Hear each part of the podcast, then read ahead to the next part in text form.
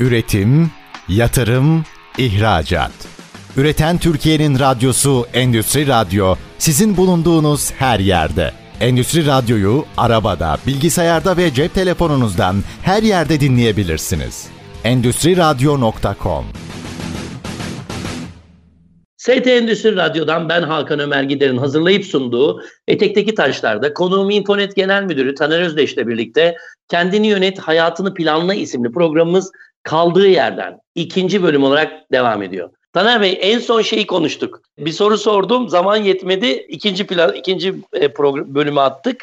Hani normal vatandaş da olsa e, akşam 8'de yiyeceği yemeği planlayamıyor dedik. Siz oradan sonra ne söylüyorsunuz bize? Planlayabiliyor musunuz akşamki yemek dışarıda değil, evde ben, sporlarınız? Diyorum ki ben benim karım çocuklarım bile benden randevu alıyor. Onu dedim ben en. Olay şu. bu, bu gerçek. Hatta karıma cebini benim karımın sorun. Şimdi olay şu.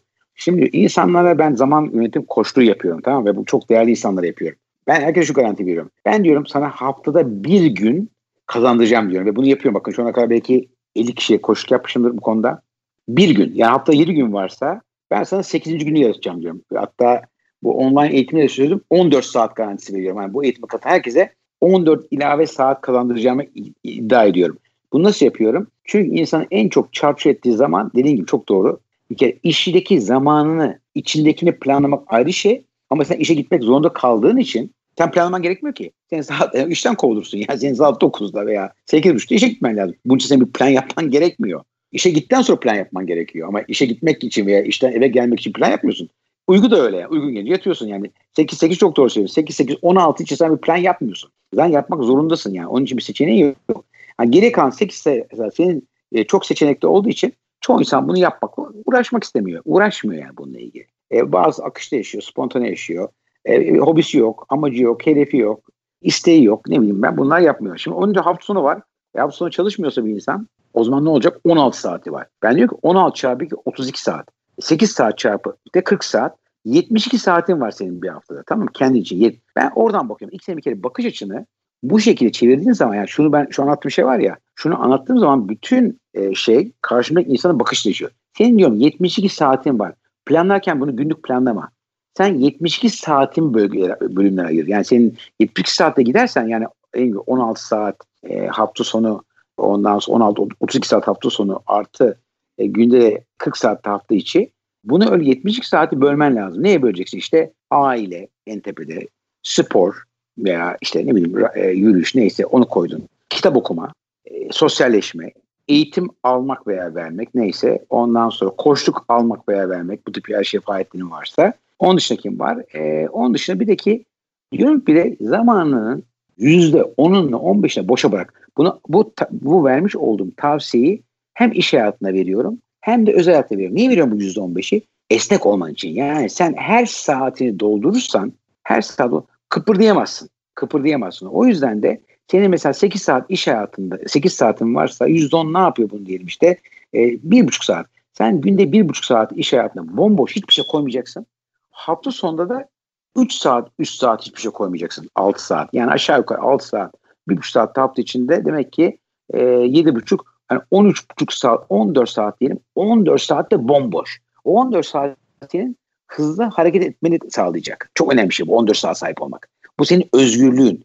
Bu şekilde insanlara karşı ve olaylara karşı daha spontane davranabileceğin bir zaman. Ama onu, onu, onu da e, planlarsan geri hiçbir şey kalmazsa o zaman hiç esnek, esnek olamazsın yani. Bu şeye benziyor değil mi ee, Taner Bey? Şimdi 15 saat e, elimizde var ama biz bunu verimli de kullanmamız lazım. Hani 15 saat açığa çıkarttık. Verimli kullanmak lazım ve biraz da böyle hani neye neyi vakit harcadık. Galiba bu vaktimizi çalan unsurlar var. İşte televizyon seyretmek, internette gezinmek, sosyal medyası, bilmem işte te çalan telefonlar, istemediğimiz görüşmeler, bir sürü evraklar, bakmamız gereken işler. Kitap okumak bile belki de zaman çalan şeylerden biri. Çünkü okuduğunuz kitabın her zaman yararlı olduğunu da düşünemeyebiliriz. O zaman galiba zamanımızı minimum düzeyde çaldırıp Nasıl çalınacak o? Kesin bir şekilde çalınacak telefonlarla vesaireyle. Minimum düzeyde çaldırıp biraz daha dikkat etmemiz lazım. Benim çok sevdiğim sizden iyi olmasın Hakan Turgut diye arkadaşım e, küçük smart kullanıyor sırf park ederken sıkıntı olmasın diye. O da zamanı kendine kazandırmayı çok seviyor. Yani verimli kullanmanın dışında kendine boş zaman yaratabilmeyi. E, scooter var arabanın arkasında katlanmış bir yerde arabayı bırakıp scooterla devam ediyor yani. Hani bu kadar enteresan bir yapısı var. O da bizim gibi eğitimci, danışmanlıklar yapar. Bu bir yaşam felsefesi. Yani bunu herkes beceremez. Söylemek kolay, yapmak çok zor bir şey. Yani o ya. olma durumuna geçmek çok zor Taner Bey. Yani ben öyle düşünüyorum yani, bundan. Yapacağım bir şey yok ya. Bakın şuna bak. Ben şimdi pandemi döneminde, şimdi ben mesela e, evim benim Nişantaşı'nda, iş yerim Zincirkuyu'da. Ne yapıyorum biliyor musun? Haftada 3 gün evde işe işte eve yürüyorum. E, toplam 7.4 kilometre ve bu zamanı bir daha bir bir kere iş trafikten kurtarmış. Trafik arttı. Herkes daha çok arabasıyla gidiyor. Sosyal taşı, şey ulaşım olaraktan metroyu kullanıyordum eskiden şimdi kullanma şansım yok. O yüzden iki seçeneğim var. Ya arabamı kullanmak veya yürümek. Ben yürümeyi tercih ediyorum daha çok. Hem de yolda günde e, bu sayede 45-45 90 dakikada her gün TED ve YouTube'da video dinliyorum. Bu şekilde bütün eğitim çalışmalarımı da yolda yapıyorum. Yani hem yürüyorum, spor yapıyorum hem bunu yapıyorum. O zaman 90 dakika kazanıyorum günde. Bu şekilde bir şey yaptım ben. Yani böyle bir formül buldum kendime. 90 dakika eğitim ve 90 dakika yürüyüşü bir araya getirip 90 dakika bir kere her gün yani haftada 3 gün 90 dakika daha fazla var şu anda. Nasıl fikir? Mesela bu, bu benim kendi yaratmış olduğum pandemiye yaratmış olduğum yeni bir zaman kazandırma aracı. Çok güzel. Yani aynı anda birkaç işi yaparak değil mi? Yani e, mesela ne bileyim işte ben de sabahleyin erken gideceksem bir yere e, çayın e, işte e, şeyini e, çayı geceden ocağın üstüne koyuyorum suyuyla ve demliğin üzerindeki şeyle. Sabahleyin kalktığımda onu yakıyorum. Su kaynarken ben tıraş oluyorum ya da duş alıyorum.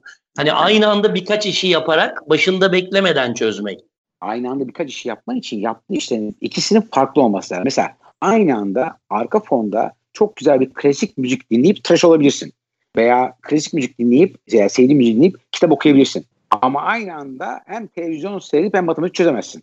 Biliyor musunuz? yani yani yani e, iki şey aynı anda yaparken iki iki şey iki birbirini destekleyen aktivite olmak zorunda. Yani biri senin sağ beynini çalıştıracak, biri senin sol beynini. İki tane sol beyin olmaz yani. Şimdi ben sana konuşurken bilgisayarda e-postalarımı okuyamam yani. Zaman kazandırır ama. Evet evet. O, evet. Ama, evet çok yap- çok önemli tabii ki. Yani orada ay, şey derler zaten hani vücutla çalışan insanın beyninin beyniyle dinlenmesi, beyinle çalışan insanın da vücutla dinlenmesi gerçek dinlenmeyi ortaya koyar. Yani işte Doğru.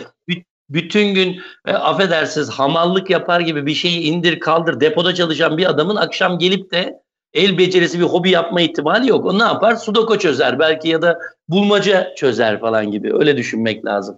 Peki e, şimdi zamanı yönetmek var da hayatı planlamak. Şimdi bizim e, bütün şirketler 2019'un Kasım'ında aralığında yılı planladı. 2020'ye girdik. Mart ayında hayatın başka bir planı vardı ve bir anda 2 ay, 3 ay şirketler kapandı, evlere kapandık. Şimdi bundan sonraki e, mesela 2021'i planlarken insanlar, firmalar, sizin de bir e, genel müdür olduğunuz bir firma var sonuçta. Bu pandemi gibi bir şeyle karşılaşırız diye ne olur ne olmaz diye bir yedek akçe başka bir şey falan organize ediyor musunuz? Ya da evinizde bununla ilgili bir altyapı oluşturuyor musunuz? Ee, gelecek gelecekte bilemediğimiz bir şeyle karşılaşırsak artık e, normal planlara girdi mi? Onu sormaya çalışıyorum. Şimdi iki tane şey var. Ee, bir kere bir şey eğer bir şey öngöremiyorsan yani belirsizlik varsa şirket yönetirken ne yaparsın? Tasarruf edersin. Ben öyle yapamam. Ben çok dört, bu benim dördüncü krizim yaşadığım yani iş hayatında çok ciddi anda. Bu tür durumlar ne yapıyorum ben bir kere? Bir kere verimsiz elemanları bir kere azaltıyoruz. Yani o e, verimsiz eleman varsa bunlar kendi işlerinden ayrıldığı zaman bunları tutmuyoruz. Bir, e, istemiyordu. İkincisi eleman alma konusunda daha nitelikli eleman alırsak da daha nitelikli eleman almaya çalışıyoruz. Çünkü daha az insanla çalışacağımız için aldığımız elemanın kalitesini arttırıyoruz. E, daha az, daha, daha nitelikli eleman çalışıyoruz. Bir şey yaparken harcamalarımız daha dikkat ediyoruz doğal olaraktan. E, benim için tabii siber güvenlik olduğu için benim yani işim e, dünyadan farklı yani. Ben bir şey bir gidip de bir tekstil ürünü satmıyorum yani bir şey satmıyorum ben. İnsanlar bana ihtiyaç duyuyorlar. Yani bugün benim ürünlerim olmasa şu konuşmayı bile sen yapamazsın başkasıyla. Yani ben bütün Türkiye'yi koruyorum yani. Ben e, bütün yazılım, yazılımları koruyorum, bilgiyi koruyorum, e, mobil saldırıları koruyorum, hackerlara karşı koruyorum. Yani yaptığım iş benim çok değerli olduğu için benim işim büyüyor dünyada, ufalmıyor yani. İşim büyüyor tabii. Türkiye'de COBİ'lerin bütçeleri azaldı ama yani bugün herkes yani en azından hayatlarını sürdürmek için e, minimum da olsa benim sektörüme yatırım yapıyorlar yani. Tabii ki sektör ufaldı %15-20. Bu sene seneye de çok fazla büyüme görmüyoruz. Ama benim şirketim güzel. Yani benim şirketim sıkıntı olaraktan bu sene seneyi ikisini atlatır. Hem bu sene atlatır hem sene atlatır. Hiç sıkıntısız. Kendi evim açısından zaten benim eşim bana kütüphane yapmıştı. Şansa hani büyük şans işte. O iyi oldu benim için. Çalışma odası gibi. Evin altyapısını güçlendirdik işte tele, hani interneti falan falan. Tüm mobil cihazlarımız var. Yani senin için tabii ki şu anda evde yaşıyoruz yani. Ben çok fazla evden dışarı çıkmıyorum. O yüzden e, dikkatli yani haftada bir kere falan çıkıyorum. Çok aşırı sosyal ortamlara da girmiyorum. E, senin için bilmiyorum yani. Evet. Düşüncem 2020. Ha, yani şey e, valla geçenlerde e, Mehmet Öz'ün bir e, söyleşisinde duyulduğu söyleniyor. 10 yıl sürecek diyorlar. Yani pandemi 10 yıl sürecek. Hani şimdi 10 yıllık bir plan oturup kimse yapıyor mu acaba? 10 yılın içinde işte yılda 3 ayda bir 2 ay eve kapanırsak ne oluruz falan diye. Yani pandemi bana şeyi öğretti. Bir minimalist yaşamak lazım. Bu kadar eşyaya bilmem neye gerek yok. İki Doğru. tasarruf yapmayı bugüne kadar beceremediğim bir şeydi. Tasarruf yapmayı öğrenmem gerektiğini anladım. Çünkü işler bıçak gibi kesilince mecburen hazırdan bir şeyler yemeniz gerekmeye başladı doğal olarak. Ee, bu, bu iki şey bütün ülkeye öğretilmesi lazım. Yani bence e, Milli Eğitim Bakanlığı minimalist yaşamı e, bir müfredat haline getirip bütün Türkiye'ye öğretmesi lazım. Ama ne olur e, biz satış pazarlama hocasıyız. Bu sefer şeyle çelişiyoruz yani. Tüketiciye bir şey satma konusunda çelişmeye başlıyoruz. Değil mi şimdi Taner? Bir yandan minimalist yaşam diyoruz. Bakın, bakın, bir yandan bakın. ekmek mak ekmek tamam, makineleri sattılar gümbür gümbür. Ben Buyurun. sana başka bir başka bir vereyim. Senin en büyük özgürlüğün nerede gidiyor? Para değil. Bak şimdi para diyorsun, dikkat ediyorsun. Benim en büyük özgürlüğüm nerede biliyorsun? Parada. Nereden özgür olamıyorsun? Ben çünkü 18 yaşından beri para biriktiriyorum. 18'den beri hep öyle düşünüyorum. 18'den beri biriktirdiğim paraya bir lirasına dokunmadım şu ana kadar. Bak 18'den beri. Niye? Param bitince gidip bankadan kredi kullanıyorum. E, bu alışkanlığım var benim. Yani kendi paramı Peki bir şey söyleyeceğim. Yani o parayı niye biriktiriyorsunuz 18 yaşından beri kullanmayacaksanız, kullanmıyorsanız? Hani bir yere yatırım amaçlı e, o yatırım amaçlı büyüyor değil mi? Yani o bir yerde yatırım ben, olarak bors, büyüyor. Ben zaten ben zaten yatırımcıyım. Ben zaten eski borsacıyım ben. Yani Türkiye'de e, 4 sene bankada ya bu iş yani Türkiye'de bu işi parayla yapan insanlar kadar bu işi tamam, biliyorum. Tamam, yani tamam. Ben, ben, o, yani ben o parayla hani bir müteahhit gibi para kazanıyorum sonuçta. Ama sonuçta tamam, şu, o, şunu demiyor musunuz? Yani bu para yeteri kadar kazandı. Bunu başka bir yatırıma çevireyim demiyorsunuz yani. O devam ediyor zaten. Yapacağım 60 yaşına gelmiş. Hakan ne yapacağım? Yani gidip mez mezara e tamam da yani Kader Bey parayı ne yapacaksınız? Çocuklar evleniyor. Hayır, evet. hayır, eşinizle birlikte. Hayır anlamıyorsun sen. Olay o değil bak. Olay, olay, olay, olay Hayır bu parayı bir gün harcayacak mısınız? Onu merak ediyorum. Hayır. Olay Böyle bir amaçla mı birikiyor bu para? Ya, ya o para tabii arasında yatırıma gidiyor tabii. Yani ev alıyorsun bir şey alıyorsun. Ama olay değil. O paranın orada olması benim özgürlüğüm yani. O para öyle e, amacı şu. Ben istediğim zaman istediği işi yapacak özgürlük o benim. Yani üstelik çalışmak içimden gelmiyor. Çalışmam. İşte o bana. Onun mutluluğu işte bu. O paranın hiç bölüm yok benim için. Tamam şimdi o para... şimdi o, o onun gibi biriktirilen paraların birçoğu pandemide kullanılmaya başladı. Çünkü adamın işi bitti. Ha, şey, işte yastık altına koyduğu doları vardı. Üç tane altını vardı.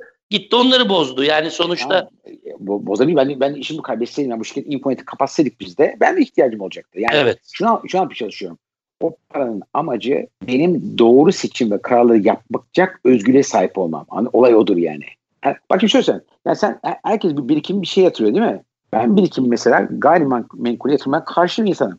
Museviler de öyledir genel Türkiye dünyada. Evet. Yani, yani, onu yatırıma koyarsın parayı. Yani yatırırsın ama gidip de gayrimenkul yani oturucuna ev alırsın. Tamam mantıklı çocuğuna ev alırsın. Ama oturup da gidip de 10 tane daire almazsın. İşte insanlar onu yapıyor. 10 tane daire alıyor mesela. Anlıyor musun? Yani o yüzden de insanların paraları orada duruyor. Ben öyle düşünmüyorum tabii. Ben bir şey soracağım Taner Bey bir şey soracağım. Siz yatırımcısınız. Bakın yat şu anda. Çok güzel. Siz yatırımcısınız. Paranın evet. değerini ve yatırımda kazancını bilirsiniz. 2 Doğru. milyon lira ayda bir şey yatırdığınızda ne kadar kazandırırsa e, mantıklı bir yatırımdır dersiniz. 2 milyon TL'niz var. Bir şeye yatırıyorsunuz ve ayda da bir gelir elde ediyorsunuz. İşte bir oradan bir gelir elde ediyorsunuz. Ne kadar kazanırsa mantıklıdır? Yüzde yirmi. Yüzde yirmi. Yıllık yani %20. E, yıllık yüzde yirmi. Aylık yüzde iki. Aylık dolar bazında yüzde iki. Dolar bazında yüzde iki. E, TL bazında bakarsak yani yüzde yirmi dediniz. 2 milyonun yüzde yirmisi 400 bin lira mı yapıyor? TL bazında yapamaz çünkü TL bazında bu parayı kazanacak hiçbir enstrüman yok ülkemizde. Anladım. Yok yok şu anda. Parayı ben şu an neye koyacaksın? Altına koyacaksın. Ben, ben şimdi üçüncü bölüme geçtiğimizde anlatacağım. Doğru bir yatırım mı değil mi birlikte konuşalım. Çünkü İyi, biz tamam. kendimizi yönetme ve hayatı planlama diyoruz. Ee, İsa Bey'den yeni haber geldi. Üçüncü bölüme geçiyoruz diye. Müsaadenizle ben e, gene bir anons Tamam. geçiyorum. Efendim Etek'teki Taşlar program konuğum Infonet Genel Müdürü Taner Özdeş'le birlikte kendini yönet, hayatını planla diyoruz. Kısa bir aradan sonra devam edeceğiz. Bizi dinlemeye devam ediniz.